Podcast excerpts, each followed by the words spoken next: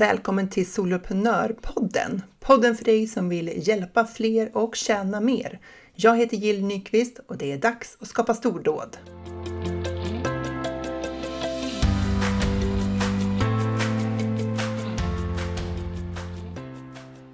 Den här veckan har jag en, eh, en gammal bekant får vi säga nu, som gör comeback i Soloprenörpodden. Det är Hanna Svensson från Kravallapa. Varmt välkommen Hanna! Tusen, tusen tack. Jag är så glad att jag får vara med i din podd. För det ja, betyder att då behöver jag inte starta en egen. Nej, precis. Du får göra comeback här när du känner dig poddsugen. Ja. Eh, vi ska ju faktiskt prata om någonting som, eh, som du har fått rätt mycket uppmärksamhet kring och frågor kring på sistone. Det här med samarbeten. Ja, samarbeten är ju ett av mina liksom, Eh, favoritämnen eller expertområden så där, som, jag, som jag gillar att prata om. Så jag hamnar ofta i, i det där och jag får mycket frågor om det också. Så det är kul. Ja, just det. Vad är din bakgrund när det gäller samarbeten? Jag funderade på det själv, för jag tänkte så här, varför har det blivit en grej för mig? Liksom? Och så kikade jag tillbaka och jag har ju jobbat de första liksom, 15 åren av mitt yrkesliv, vilket för övrigt låter sjukt länge. Tänker mig hur gammal är jag? Men det behöver vi inte gå in på. Eh, men då jobbade jag ju i eh, liksom, IT-branschen, telekom, webbutveckling och så där mycket systemutvecklingsföretag. Eh, och i den världen så är det faktiskt helt omöjligt att klara sig på egen hand. Det krävs att man har samarbeten för att stärka upp kompetens, för att då kunna bygga system inom områden som man inte kan själv. Man behöver ha samarbeten för att kunna nå ut och man behöver ha, liksom, man ska ofta växa snabbt, så man behöver ha också samarbeten för att kunna rekrytera och hitta personal. Mm. Eh, och eftersom jag har haft en, en jag hamnar ofta i så centrala roller och blir spindeln i nätet i företag, så det har också varit ganska naturligt att jag har varit den som har hållit, hållit ihop alla samarbeten så att säga. Så, så eh, jag har skrivit avtal och jag har hittat samarbetspartner och jag har valt bort samarbetspartner så se till att det funkar och så vidare och så vidare. Så det, är liksom, det har varit en röd tråd under hela min mitt förra liv som jag kallar det lite grann. Ja, innan, jag, innan jag blev liksom egen företagare och soloprenör. Mm. Just det. Ja, men det blir ju perfekt. Det ska verkligen bli spännande att beröra det här. Och jag tänker att vi måste nästan börja i så här, varför skulle man som soloprenör ha ett samarbete? Den allra enklaste, det man spontant tänker på, det är att man kanske har någon del som man behöver hjälp med som man inte vill hålla på med. Till exempel bokföringen. Det är ju ja. en typ av samarbete. Så här, kan du hjälpa mig med detta? För jag kan inte, jag vill inte, jag ska inte. Liksom. Det är liksom den kanske mest självklara. Eh, men sen i övrigt om man tänker att, man, att det handlar om att hjälpas åt, att kanske nå ut bättre, att nå ut utanför sin egen sfär, att, eh, att fler människor ska lära känna dig och eh, det du har att erbjuda. kan man ju samarbeta kring. Mm. När vi krokar arm nu, till exempel i det här, så vi jobbar ju egentligen med, med samma saker. Alltså våra kunder är väldigt mycket lika. Men det här, det är säkert några nya människor som, som inte vem, visste vem kravalloppa var innan, som får veta vem jag är. Mm. Och samtidigt så hoppas jag att jag kan bjuda på kunskap till dina, dina kunder och dina lyssnare och dina följare. Så det blir liksom en win-win i det där. Mm. Eh, och sen kan man också samarbeta om man känner att det är något kompetensområde som man inte riktigt själv behärskar fullt ut och behöver stärka upp kring till exempel. Eh, så det finns ju, och sen kan man faktiskt också göra det bara för att man tycker att det är kul, skulle jag säga. Alltså ibland, eh, det, jag är ju ensamvarg och gillar att jobba själv och tycker att det är smidigt och effektivt. Eh, men ibland kan det bli trist att vara själv, så då kan mm. det vara kul att göra någonting tillsammans med någon annan. och det kan också vara ganska tufft att vara ensam och egenföretagare och att då kunna vara två, att kunna liksom växeldra tillsammans med någon är ganska skönt. Jag har ju haft ett längre samarbete med Therese Konsteg där vi har kört coach, alltså gruppcoachingprogram tillsammans. Och ibland så är det hon som steppar in och tar lite större del av lasset och ibland är det jag. Det är ganska skönt att kunna till exempel ha semester för att man vet att det är någon annan som håller ställningarna när man är borta. Mm. Så eh, ja, det är väl några exempel. Ja, just det. Vet jag, för jag har ju en samarbetspartner på Funka med ADHD, Ulrika Gill. Och Eh, det är faktiskt det som jag ofta får höra när, när jag nämner att vi är två i det mm. benet av mitt företag. Att mm. så här, åh, wow, är ni två? Liksom. Att, ja, jag tror ja. att det är många soloföretagare som, precis som du säger, som, som saknar den här naturliga bollplanket och ja. kollegan ja. bara. Ja, och i de här i lanseringsfaserna, du vet själv hur det är, ibland känner man sig bara nej, det är ingen som köper, det är alldeles tyst, det här kommer att gå åt helsike. Ja. Det är rätt skönt och det är någon på andra sidan som bara, ja ja men du vet, det är så här det är, imorgon kommer någon att köpa, kom igen nu kör vi liksom. Och sen ja. så nästa dag så är det den andra som bara, nej det här kommer aldrig gå. Och så hjälps man åt liksom i att hålla mindsetet uppe. Det är faktiskt ja, väldigt, väldigt värdefullt. Och någonting man inte är bortskämd med heller som soloföretagare, det är ju det här med att någon annan är lika engagerad i ens tjänst eller företag, beroende på vilken nivå man samarbetar, som man själv är. Ja. För att när man pratar med, jag vet inte vad du har för vänner och bekanta runt om dig, men, men jag kan känna att mina är kanske lite trötta på att höra mig orera om mina företag och tycker väl inte att det är superkul när jag måste prata Nej. om alla detaljer kring det här som är Förvisso ja. superspännande, självklart. Såklart. men ja. Eh, men när, man är, när man är två, då har man ju ett gemensamt intresse som är mm. åtminstone i närheten av lika starkt som liksom varandra. Mm. Och det mm. tycker jag är roligt. Man får mm. nörda lite tillsammans. Ja, men absolut. Man får ju en kollega liksom, eh, som man bygger företag tillsammans med. Även om man för den sakens skull inte har ett gemensamt företag. För den frågan får jag ibland. Så, ja, men om vi nu ska göra det här, den här grejen tillsammans. Vi ska börja sälja den här onlinekursen tillsammans eller starta medlemsportalen. Måste vi starta ett företag ihop då? Mm. Eh, och då skulle jag säga så nej, gör inte det. Alltså, eh, det är inte där man börjar i alla fall, utan det funkar alldeles utmärkt att ha var och en sitt liksom, eh, till att starta med i alla fall. Ja, men precis. Det är bra att du säger det och vi ska komma in på det där med liksom lite grann kring om man ska teckna avtal och dokumentera ja. någonting, vad man ska tänka ja. på då. Så, här, mm. så vi kommer att komma tillbaka till det. Men det är väl bra att mm. poängtera det, att det handlar absolut inte om att man måste ha ett gemensamt bolag ihop, utan absolut. man kan lösa det på andra sätt. Ja. Ja.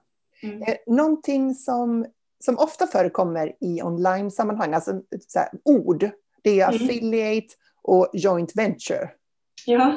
Det är liksom så ord som jag hör in, inom den här online-världen väldigt ofta. De kanske finns utanför online-världen också, men det är där jag stöter på dem. Va, va, vad är vad i det? Ja. Eh, joint venture, om vi börjar där, det är ett jättevanligt begrepp i, i, i, den riktiga världen som jag kallar den för. jag menar inget illa med det, men, men i den, alltså, utanför online-världen om man säger så. Det är ju egentligen, eh, alltså när man skapar företag, alltså säljer, jag vet inte det, ett, ett samarbete kring där man har gemensam ekonomi, att man verkligen delar risk och investering. Aha. Man går alltså, in liksom ja. mycket för att skapa någonting. Det behöver inte vara lika mycket, men man går in med gemensam, alltså båda investerar och båda bär risk. Liksom. Ja. Sen kan det vara så att du är 60 procent och jag är 40 procent, men det är fortfarande att vi verkligen går in och skapar en tjänst eller en produkt eller ett företag tillsammans. Men det kan fortfarande vara så att man har två olika företag, det är bara att man satsar någonting. Exakt, vi, precis. Att vi, om du och jag ska göra en, en, en medlemsportal till exempel så kan vi göra det som en joint venture. Då kan vi välja att du äger 50 procent av den och jag äger 50 procent av den. Och vi skulle kunna välja att, att starta ett eget, ett gemensamt företag också, där ditt företag äger hälften och jag äger hälften. Just det. Men då är det alltså joint venture som jag och Ulrika har på Funka med ADHD. Ja. För ja. då satsar ju vi liksom både tid och, och ja. pengar, båda två, liksom, från ja. olika företag. Ja. Nu kändes det mycket coolare. Nu jobbar vi joint venture. Det är det du ska säga när du ska vara lite sådär ball på det där minglet liksom. Med alla grabbarna i fina kostymer. Då ska du säga ja. Och sen så har jag mitt joint venture med Ulrika. Du vet. Ja. Det hade jag aldrig kommit på själv. Tack för att du klargjorde detta. Viktiga okay. saker. Mm. Ja, Okej, okay, så det är joint venture. Och då låter det som att då är det ja, det kan ju vara mer eller mindre avancerat, men det känns som ändå som att det är ett större åtagande, det, det är lite risk och, och liksom lite riskfördelning i det och så. Ja, ja. Och affiliate, vad är det då? För då är inte det affiliate, samma sak. Ja, ja, egentligen är det ju att du har, jag säljer dina produkter, då är jag affiliate till dig. Mm. Så du har din medlemsportal, jag säljer och sen så får jag en peng för varje medlem som jag får in i ditt medlemsprogram till exempel. Och då, det är inte någon stor risk i det för någon av jo. oss, eller? Nej, nej, alltså vi är inte samma. Du äger hela produkten eller tjänsten mm. och jag hjälper dig med att sälja den helt enkelt. Just det. Så risken eh, jag tar är beroende på vad vi har för affärsmodell. Eh, om man tänker influencervärlden mm. Eh, så är det ju någon slags affiliate-samarbeten egentligen. Om jag, jag har ett stort konto, hypotetiskt då, med 200 000 följare och du säljer eh, skitsnygga kläder och så vill du att jag ska visa upp mina kläder på mitt konto. Mm.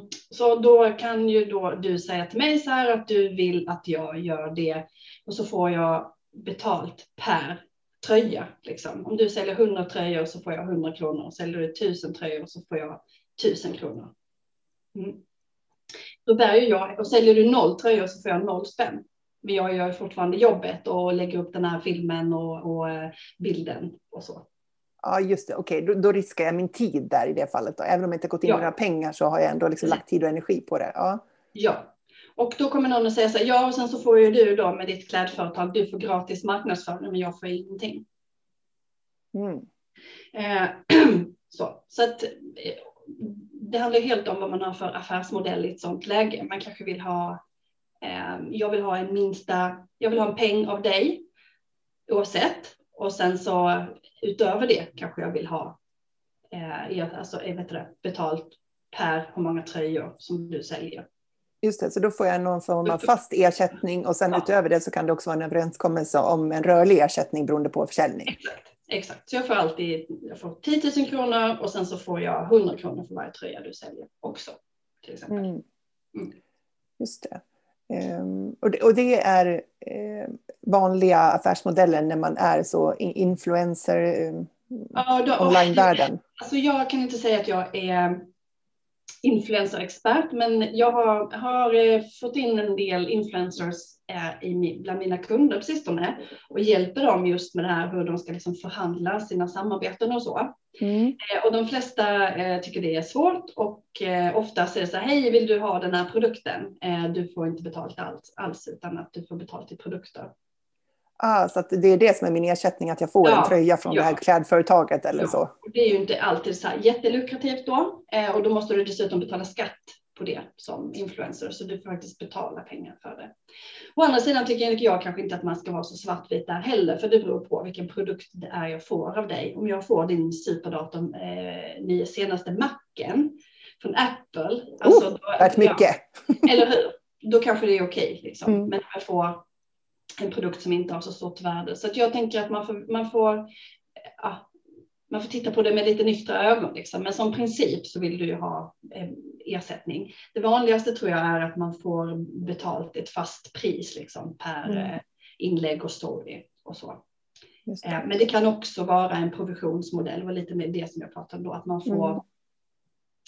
Eh, en kod som kopplas till dig då och så ser man hur mycket försäljning du har genererat med ditt konto och så får jag antingen liksom en summa per entitet som är såld eller att jag får en provision kanske som procent på totala försäljningsvärdet. Något sånt. Mm. Jag kan ju tänka mig, jag vet inte, jag har aldrig liksom riktigt tänkt på influencerspåret, men om man, eh, att man kan bli lite smickrad av att företag kontaktar en och så tycker man liksom att oh, de är intresserade av mig och så kanske man inte jag, säljer sig lite för kort där.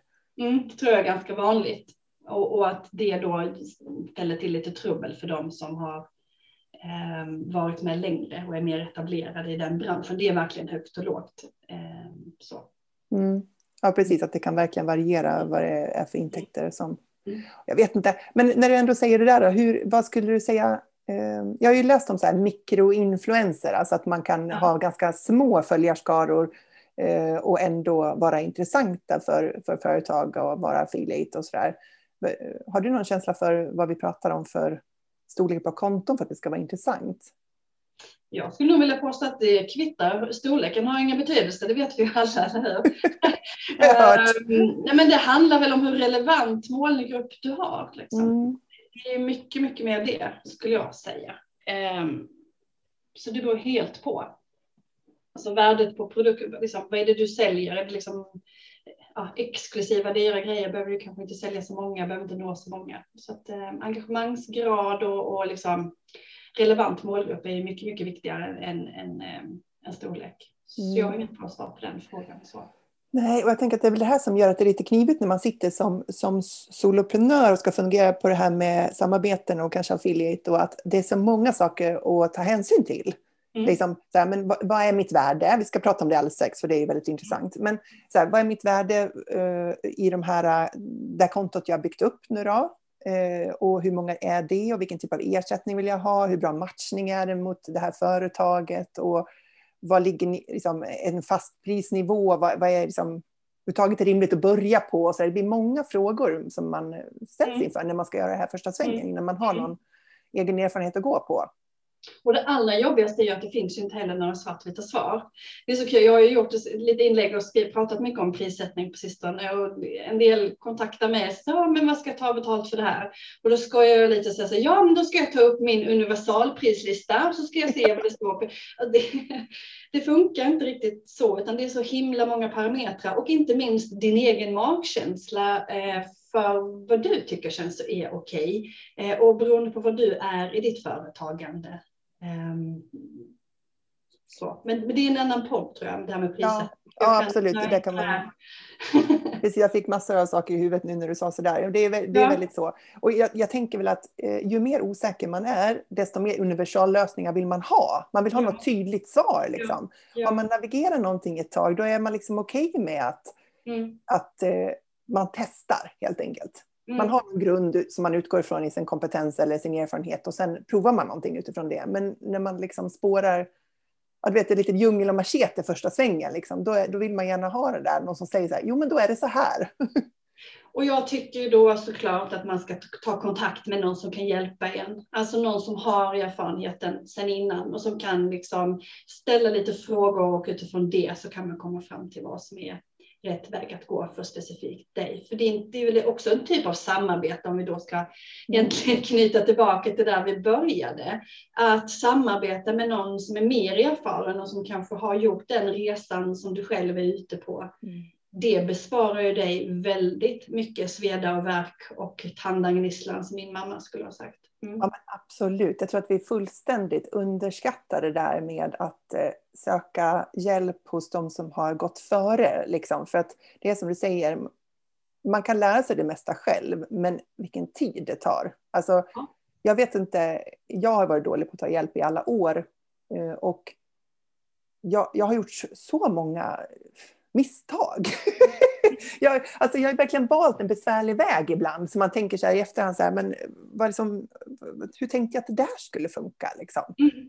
Men sen är det väl också där, det är egentligen ett sidospår så jag ska inte veckla ut mig i det. Men jag tänker också det handlar också om hur mottaglig är man för den kunskapen man får? Om man ställer en fråga, är man beredd att lyssna på svaret?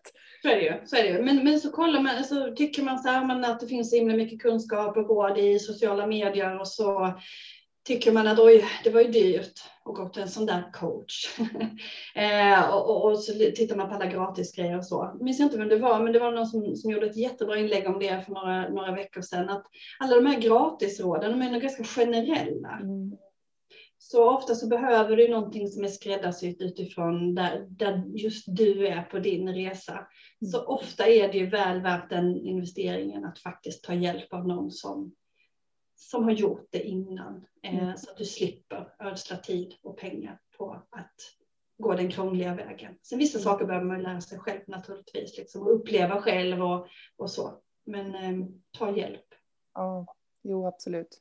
Då har vi pratat lite om affiliate och sen pratar vi om joint venture och sen mm. pratar vi om samarbete, det här med att faktiskt ta hjälp inom ett kompetensområde som man inte ja. själv har. Ja. Är det några andra så här samarbetsformer som du har i, i din lista? Liksom? Um, Ja, men alltså den, samarbeta för att vara kul har vi också pratat om. Mm, ja, just det. Ja. Mm. Bollplanka med någon annan. Um, man kan ju plocka in eh, expertkompetens eh, punktvis också.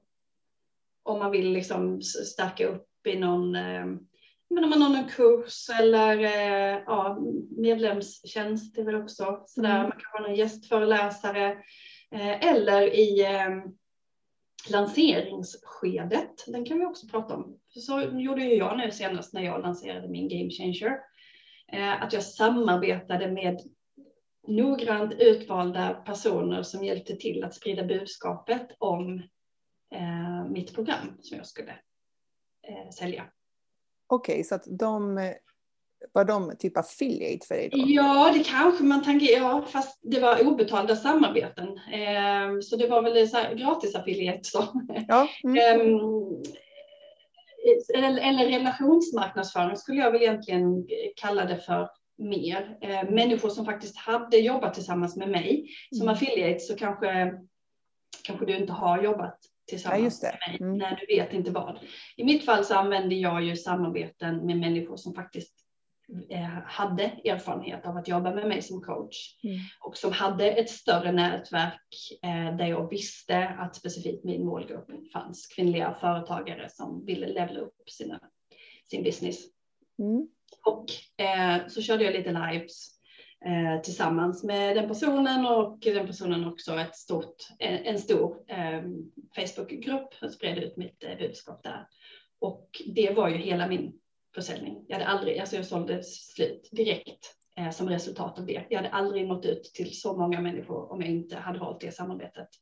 Absolut inte. Och det fortsätter ju. Alltså effekten av det samarbetet märker jag fortfarande. Ja, det var en hjälp, hjälp att nå, nå, ut helt enkelt till fler människor. Men i det, i det sammanhanget i det sammanhanget, då är det lätt att förstå vad du fick ut av det samarbetet. Ja. Men vad fick den andra personen ut av att eh, lyfta dig på det här sättet? Ser du någon liksom Eh, ja, det, nej, men jag tänker att, att eh, hon är en, en, eh, en nöjd kund till att börja med. Mm. Eh, som ville göra det av egen liksom, fri vilja för att mm.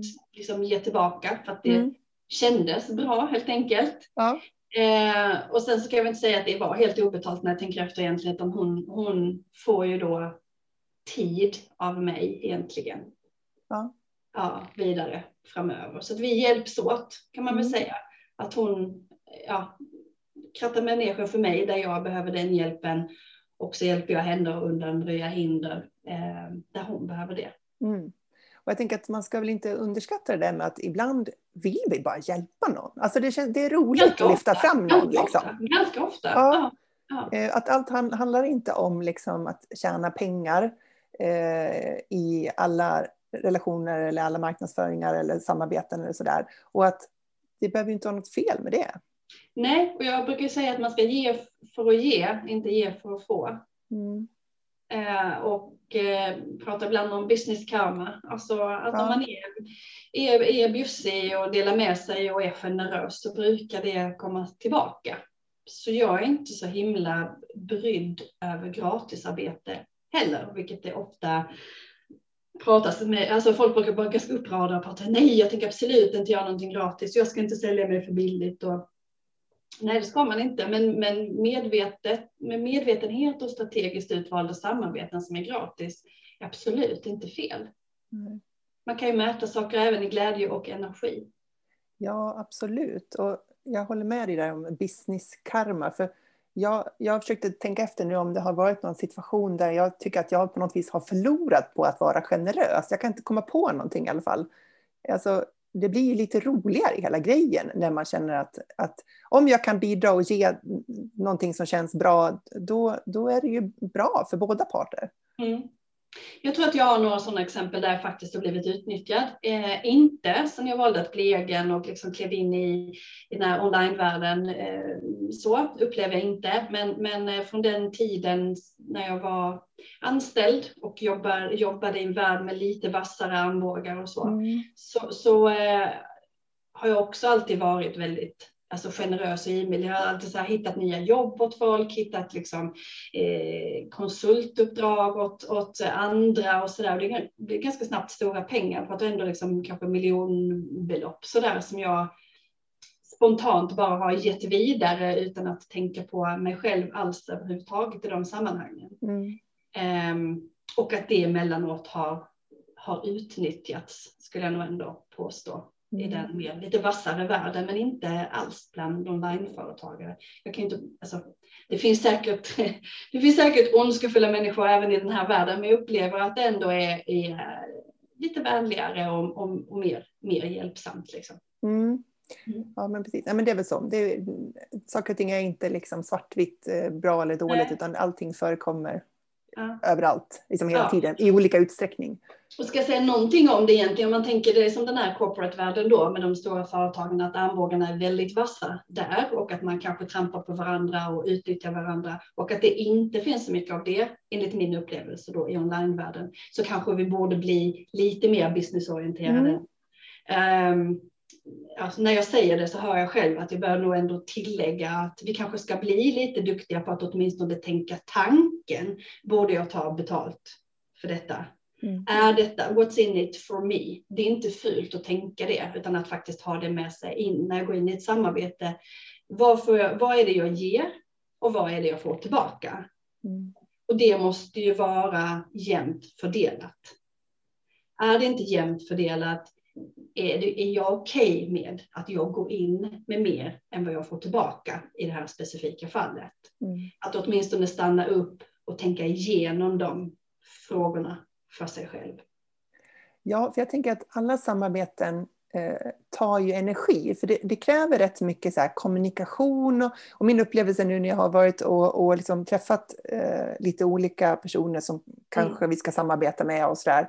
Så ja, men det är ganska många Zoom-möten man behöver, liksom, innan man förstår varandra, innan man liksom har hittat så här, vad skulle vi kunna samarbeta kring och hur skulle det se mm. ut och sådär. Mm. Så att det, det kommer ju med mycket så här, man behöver tänka på det där. Det tar lite ja. tid och kraft. Och, Ja, och man, ska inte glömma, för man får inte glömma bort att det är en business faktiskt man driver eh, och att man ändå jämför. Vi pratade om ditt, eh, det här online-eventet, liksom att ta in jättestora företag med jättestora omsättningar som får lov att liksom få 20 minuters taltid på ert online-event. Mm. I det fallet så är det självklart att det här jätteföretaget kan, alltså, om, även om de betalar med kaffepengar för dem, så blir det ganska stor pengar för er. Liksom. Ja. Så man ska inte vara naiv heller, utan ah, man ska ju se sina egna möjligheter, men, men att utgå ifrån att vara schysst och generös. Mm. Ja, men precis, och det är, det är väl det som gör att det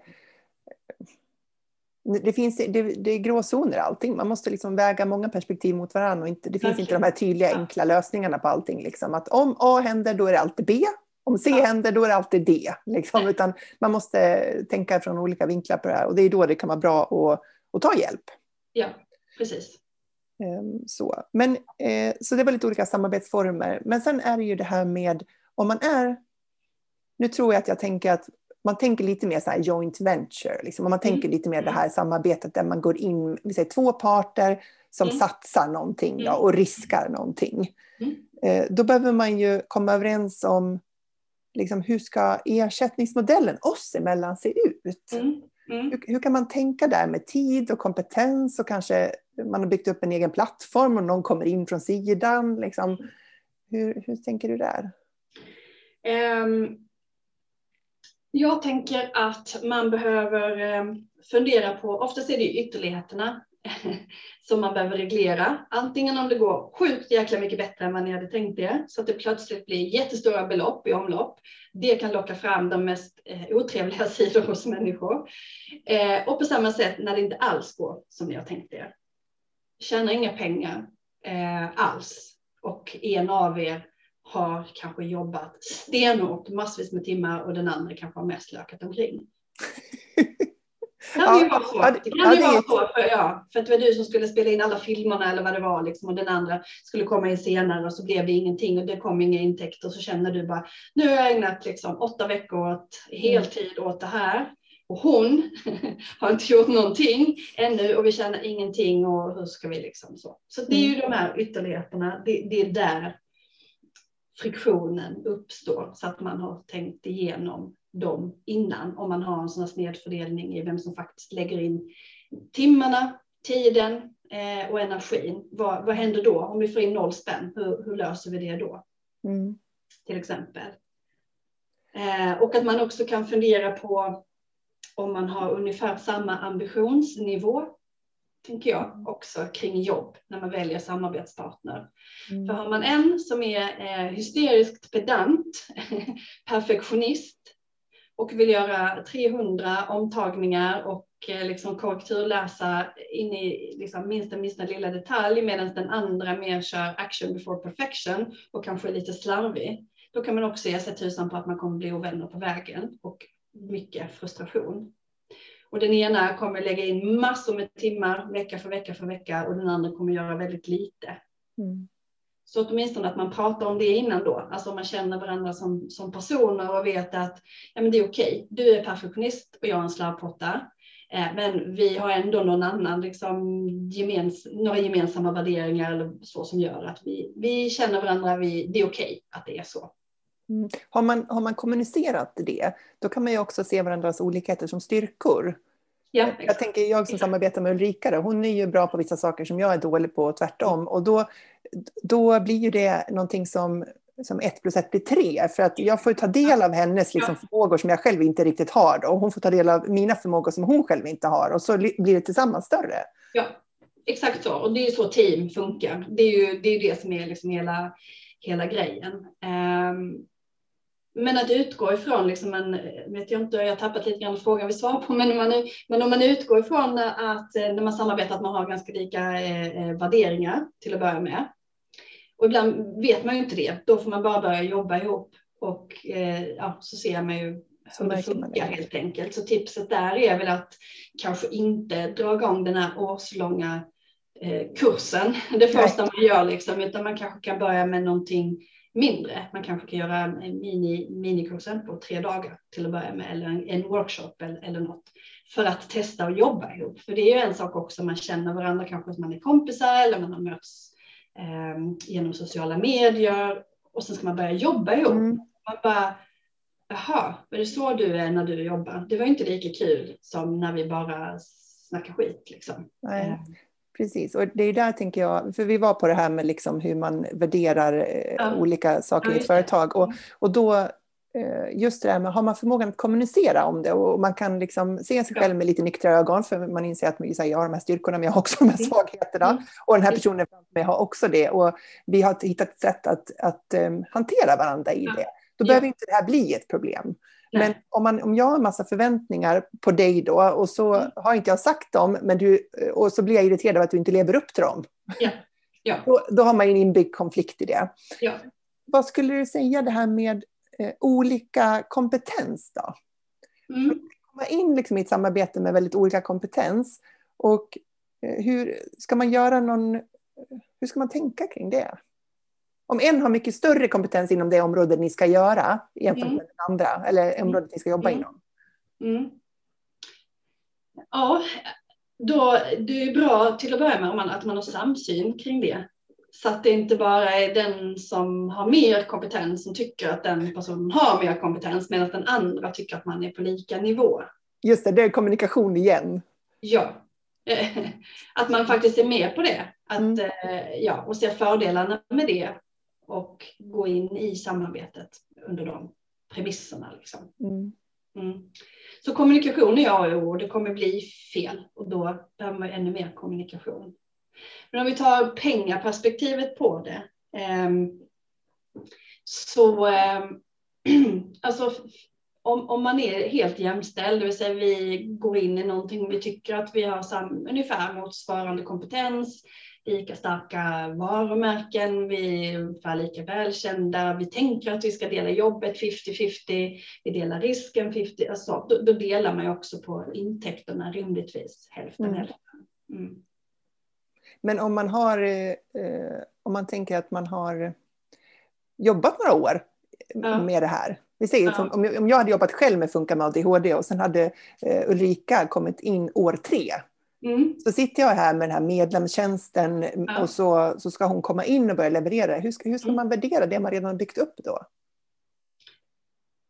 Och då är det återigen, det finns ju inget facit, men då tänker jag att, att du rimligen eh, borde ha en större del eftersom det är ändå du som har byggt upp alltihopa. Mm. Å andra sidan så kanske hon kommer in med någonting som är helt unikt och någonting som du behöver för att det du har byggt upp överhuvudtaget ska ha en framtid. Mm. Så utan henne kanske du kan lägga ner imorgon. Mm. Så det beror på vad, det för, vad det är för läge liksom? Ja, ja. Mm. Så återigen, vad, vad, vad ehm, Alltså, se, om du plockar in henne i ett läge, tycker du då att det blir jämställt? Blir det 50-50 trots att du har ägnat liksom 3, 4, 10 år med att bygga upp det här? Mm. Hon kanske har byggt upp någonting annat som ändå har ungefär samma värde enligt din upplevelse, din känsla är du ändå faktiskt. För det finns ju inget, eh, det finns inget facit på det här. Och hur känner hon på det hela? Liksom, tycker hon också att det skulle vara 50-50? Eller kommer hon in och gör någon liten del alltså som kompletterar, då kanske det ska vara 60-40, 70-30 under en period och sen är ni samkörda. Kommer hon in och bara gör en engångsgrej och då är det en helt annan historia. Ja, jo men precis, då blir det en helt annat. Och ofta det här, vem ansvarar för att, att sälja och marknadsföra? Mm. Och kanske om, om det är din medlemsportal som exempel. Mm. Det är du som säljer den, det är du som marknadsför den, det är du som driftar den, det är du som ser till att den funkar. Eh, det är dig kunderna eh, skriker på om de inte kan logga in eller betalningen är inte för allting sånt. Medan hon kanske bara kommer in och har en kurs eller eh, coaching en gång i mm. månaden.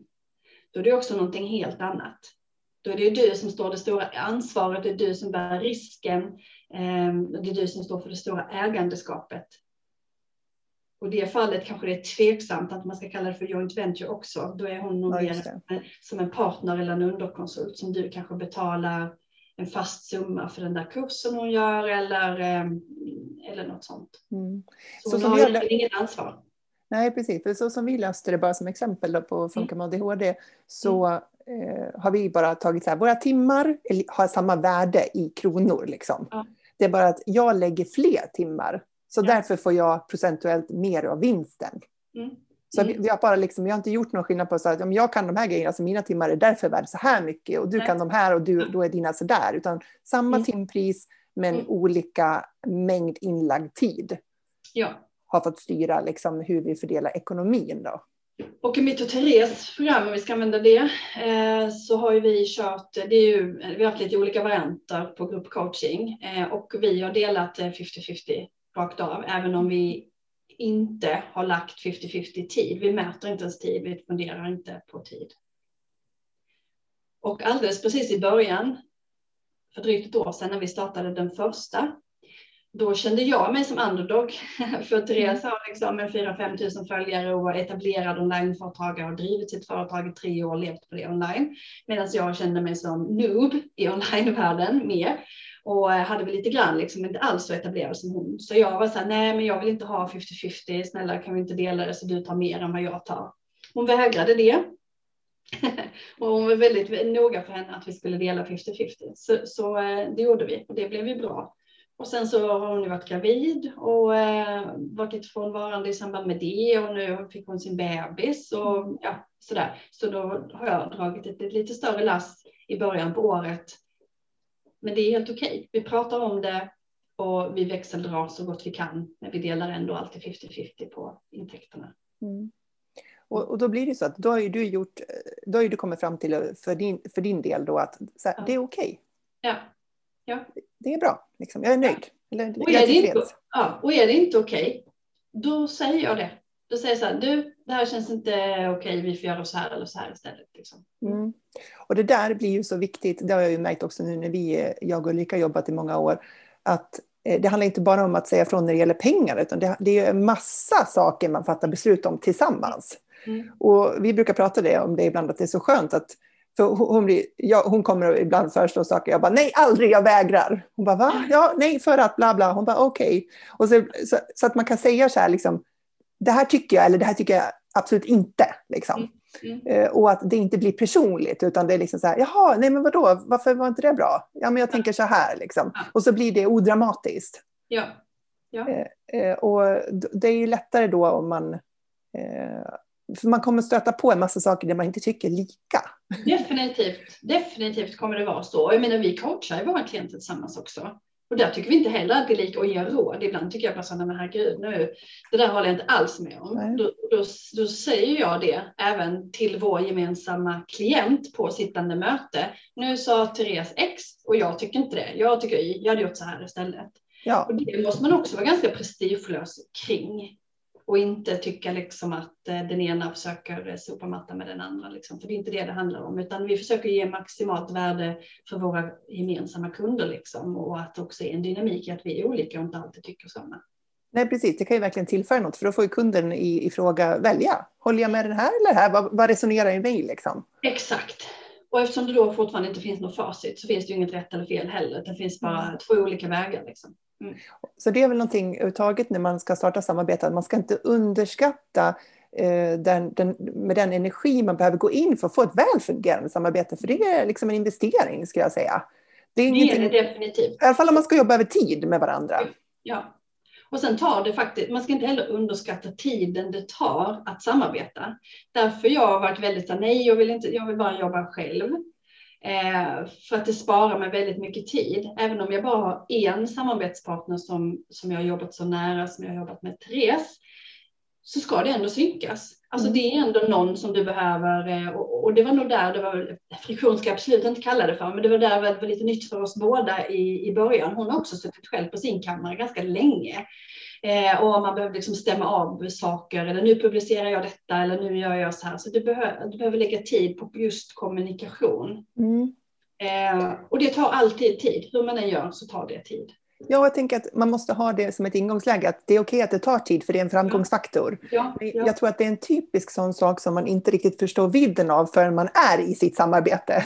Nej.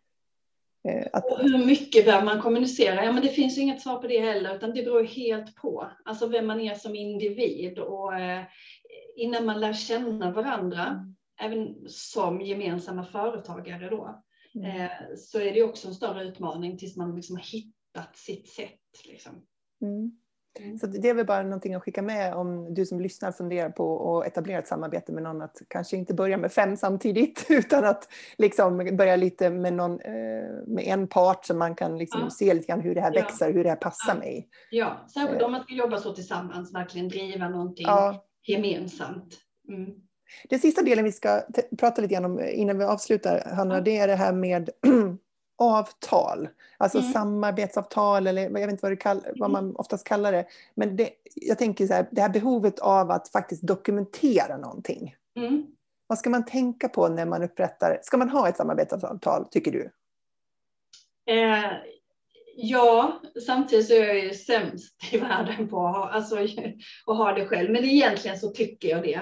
Mm. Eh, därför att det, och det behöver inte vara, det är inte så att man behöver gå till någon jurist liksom och få det formulerat, utan det räcker med ett mejl till exempel där man skriver ner vad är det vi har kommit överens om. Mm. Och det är ju också för att muntligt är en sak och skriftligt är en, det blir lite tydligare mm. i skrift. Och det säkerställer också, alltså om jag formulerade i skrift vad vi sa, och när du då läser igenom det, så nej men det var inte så jag menade, eller alltså det, liksom, det blir att man ändå tar det ett varv till. Och då, tänk, just som jag var inne på, alltså ersättning, eh, för, alltså lite för, förväntningar och ersättning. Alltså vad är det vi ska göra för någonting till att börja med? Vad är, vad är liksom vårt mål och syfte? Hur ska vi fördela arbetet? Vem gör vad? Mm. Alltså pratar man stora för då behöver man ju ha liksom en organisationsbild, det behöver man inte ha, men det är väl okej att man ändå skriver ner några punkter kring vad gör du och vad gör jag och mm. varför gör vi det här tillsammans. Och sen då, vad händer i det fallet om det går riktigt dåligt? Eller i det fallet då det går riktigt bra. Tänk om vi tjänar liksom 100 miljoner imorgon, vad gör vi med de alltså, pengarna? Ja, hur fördelar vi de pengarna? Exakt. Mm. Jag tänker också någonting som skulle kunna vara bra kanske, det är hur man fattar beslut kring kostnader. Ja. För att det finns ju vissa saker som man behöver liksom köpa in kanske till det här gemensamma ja. som man har, som inte jag skulle ja. behövt om jag inte gjorde det här. Ja. Och vem, får vem som helst då av oss köpa det där? Eller ska vi komma överens om vilka kostnader som ska belasta den här ekonomin som vi har oss emellan? Ja, det är väl bra att ha det, att ha det, ha det formulerat. Och i mitt och Therese fall, så eftersom hon hade en, en teknisk lösning där för medlemstjänst, där man kunde logga in och betala och jag hade inte det, så har vi kört allting rent tekniskt hos henne, vilket mm. gör att hon har fått in alla pengarna. Och eh, sen har jag fakturerat henne kvartalsvis. Eh, och då har hon dragit av utgifter för tekniklösningen till exempel. Mm. Inköp har vi gjort, alltså det har inte varit några inköp att tala om, men jag har köpt ett domännamn liksom. Mm. eh, och då så har vi reglerat det vid kvartalsslut. Men det är inte så att någon av oss har gått och köpt något utan att man har frågat den andra. Nej, så det är väl bara någonting att fundera över. Mm. Så. Men annars är väl det där en ganska, tänker jag, en smidig modell, att någon tar lättast kanske alla intäkter. Ja, ja. Så att man inte håller på att tussa lite så här, du tar vissa intäkter, jag tar vissa intäkter och så ska man försöka få ihop det där. Liksom. Nej, det är nog dumt. Det är bättre att ha det på ett ställe och sen bestämmer man själv hur ofta. Alltså för min del så har inte jag haft något behov av att fakturera henne oftare eh, av likviditetsskäl eller så. Men om, om jag behövde få in pengar oftare så hade vi kanske gjort den där uppgörelsen månadsvis istället. Precis. Det är väl bara att man ska tänka på ifall man blir sugen på månadspengarna där att det är lite administration att räkna ut de där sakerna. Man måste ju sammanställa, ja. man måste göra som en ja. resultaträkning för den här äh, ja. gemensamma tjänsten man har. Och titta på vad är det för intäkter, vilka kostnader har belastat och, och vad blev vinsten i så fall av det. Och så kan man fakturera. För det, det, du gör då det är att du fakturerar Therese. Precis, mm. jag fakturerar henne. Och det, det tycker jag det är jättesmidigt. När båda har varsitt bolag så är det ju väldigt lätt att skicka fakturor till varandra. Och göra, så att rent, mm. vad man säga, rent administrativt så, så funkar den här typen av upplägg bra tycker jag. Mycket enklare. Om vi hade haft ett, ett gemensamt aktiebolag istället så, då hade det varit mer komplicerat. Om inte, eh, inte minst när vi sen vid årsslutet kanske har en vinst och vi ska göra en vinstutdelning. Och har vi då inte jobbat lika mycket så måste vi ändå göra en vinstutdelning 50-50 om vi äger 50-50 i bolaget. Mm. Så det är lite grann att tänka på det om man skulle ja. göra en gemensam. Ja. Så det är ganska mycket mer komplicerat att äga ett bolag tillsammans. Så jag har provat den varianten också. Mm. Eh, och eh, jag rekommenderar inte det. Det är också mycket svårare att göra slut när man har ett gemensamt bolag. Har man separata bolag så är det inte en lika omfattande process. Eh, det som är lite lurigt kan jag tycka, ehm, som jag vet inte om det behöver liksom stå i avtalet eller så, men det är ju det här, eh, det här gemensamma varumärket som man kanske har byggt upp. Mm.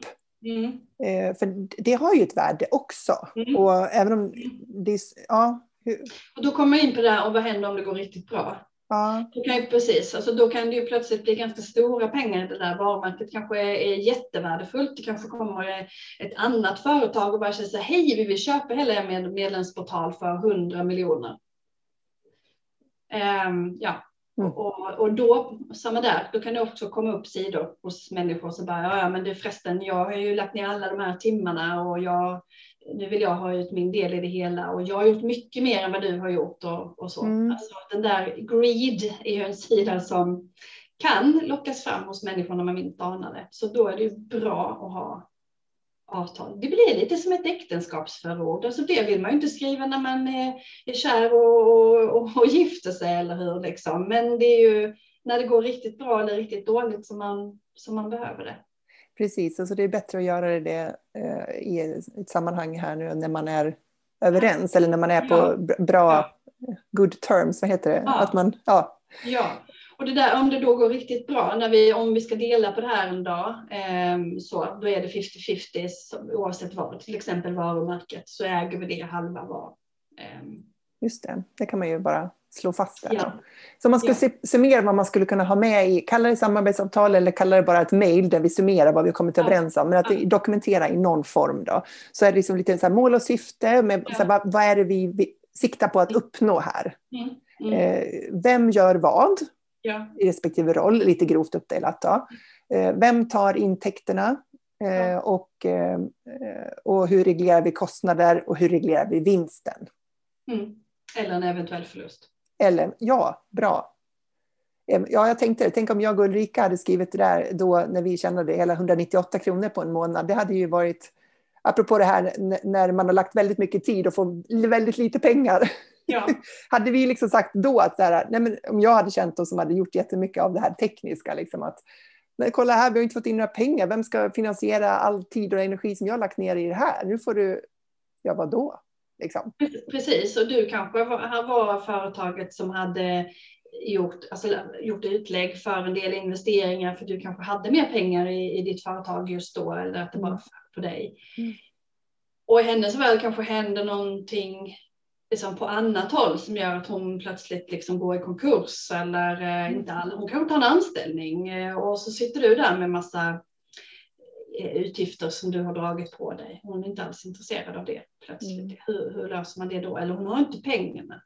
Det, så att, att liksom, konstatera då vad, vad gör vi med vinsten och vad gör vi med eventuell förlust. Så. Ja, ja. Eh, och, och hur, hur gör vi när vi ska, om vi vill separera, alltså om vi vill avsluta, hur gör vi det? Måste båda vara överens? Och om den ena vill fortsätta utan den andra, hur gör man då? Just det, får man fortsätta liksom, jobba under det varumärket som man då gemensamt har byggt upp eller hur funkar det? Ja, och ska den ena ersättas då? Om, jag vill, om du och jag har något tillsammans och du vill jobba vidare, ska jag få någonting för det då när jag väljer att hoppa av? Just alltså det, det blir nästan som att man liksom köper ut sin partner. Ja. Ja, det kan ju vara lurigt att värdera vad, vad, vad är det här värt då som vi har byggt upp fram till den punkten. Mm. Men det kanske man behöver ta hjälp av någon extern part som Beroende på hur mycket det man har byggt upp naturligtvis. Alltså, ja. ja. det är jättesvårt och det är ju svårt även om man säljer liksom miljard IT-bolag. vad, är saker värda? Det är ju eh, subjektivt. Absolut. Har man en jätteliten verksamhet och man har 5 000 kronor att dela på så då är det inte så mycket att bråka om heller. Nej, och det kan man säga, ja, whatever, det kan ja. stor roll. Men, men man ska ändå vara förberedd på att det kan ticka iväg åt andra hållet också. Mm. Ja, men intressant. Um, är det någonting sista du vill säga om samarbeten, Hanna, innan vi känner att det här är, får vara nog för nu? Eh, nej, jag, nej alltså jag tycker att vi ska samarbeta mera. Men vill påminna igen då om att det fortfarande är företag vi driver så att man har det med sig in i att det ska finnas en business kring det också. Precis, att man ska komma ihåg business-sidan när man skapar sina stordåd. Ja, vi gör ju det för att tjäna pengar ändå, de flesta av oss hoppas jag. Tack för att du var med Hanna. Tack för att jag fick vara med. Jag hoppas att vi ses snart igen. I ett samarbete. Ja, kul!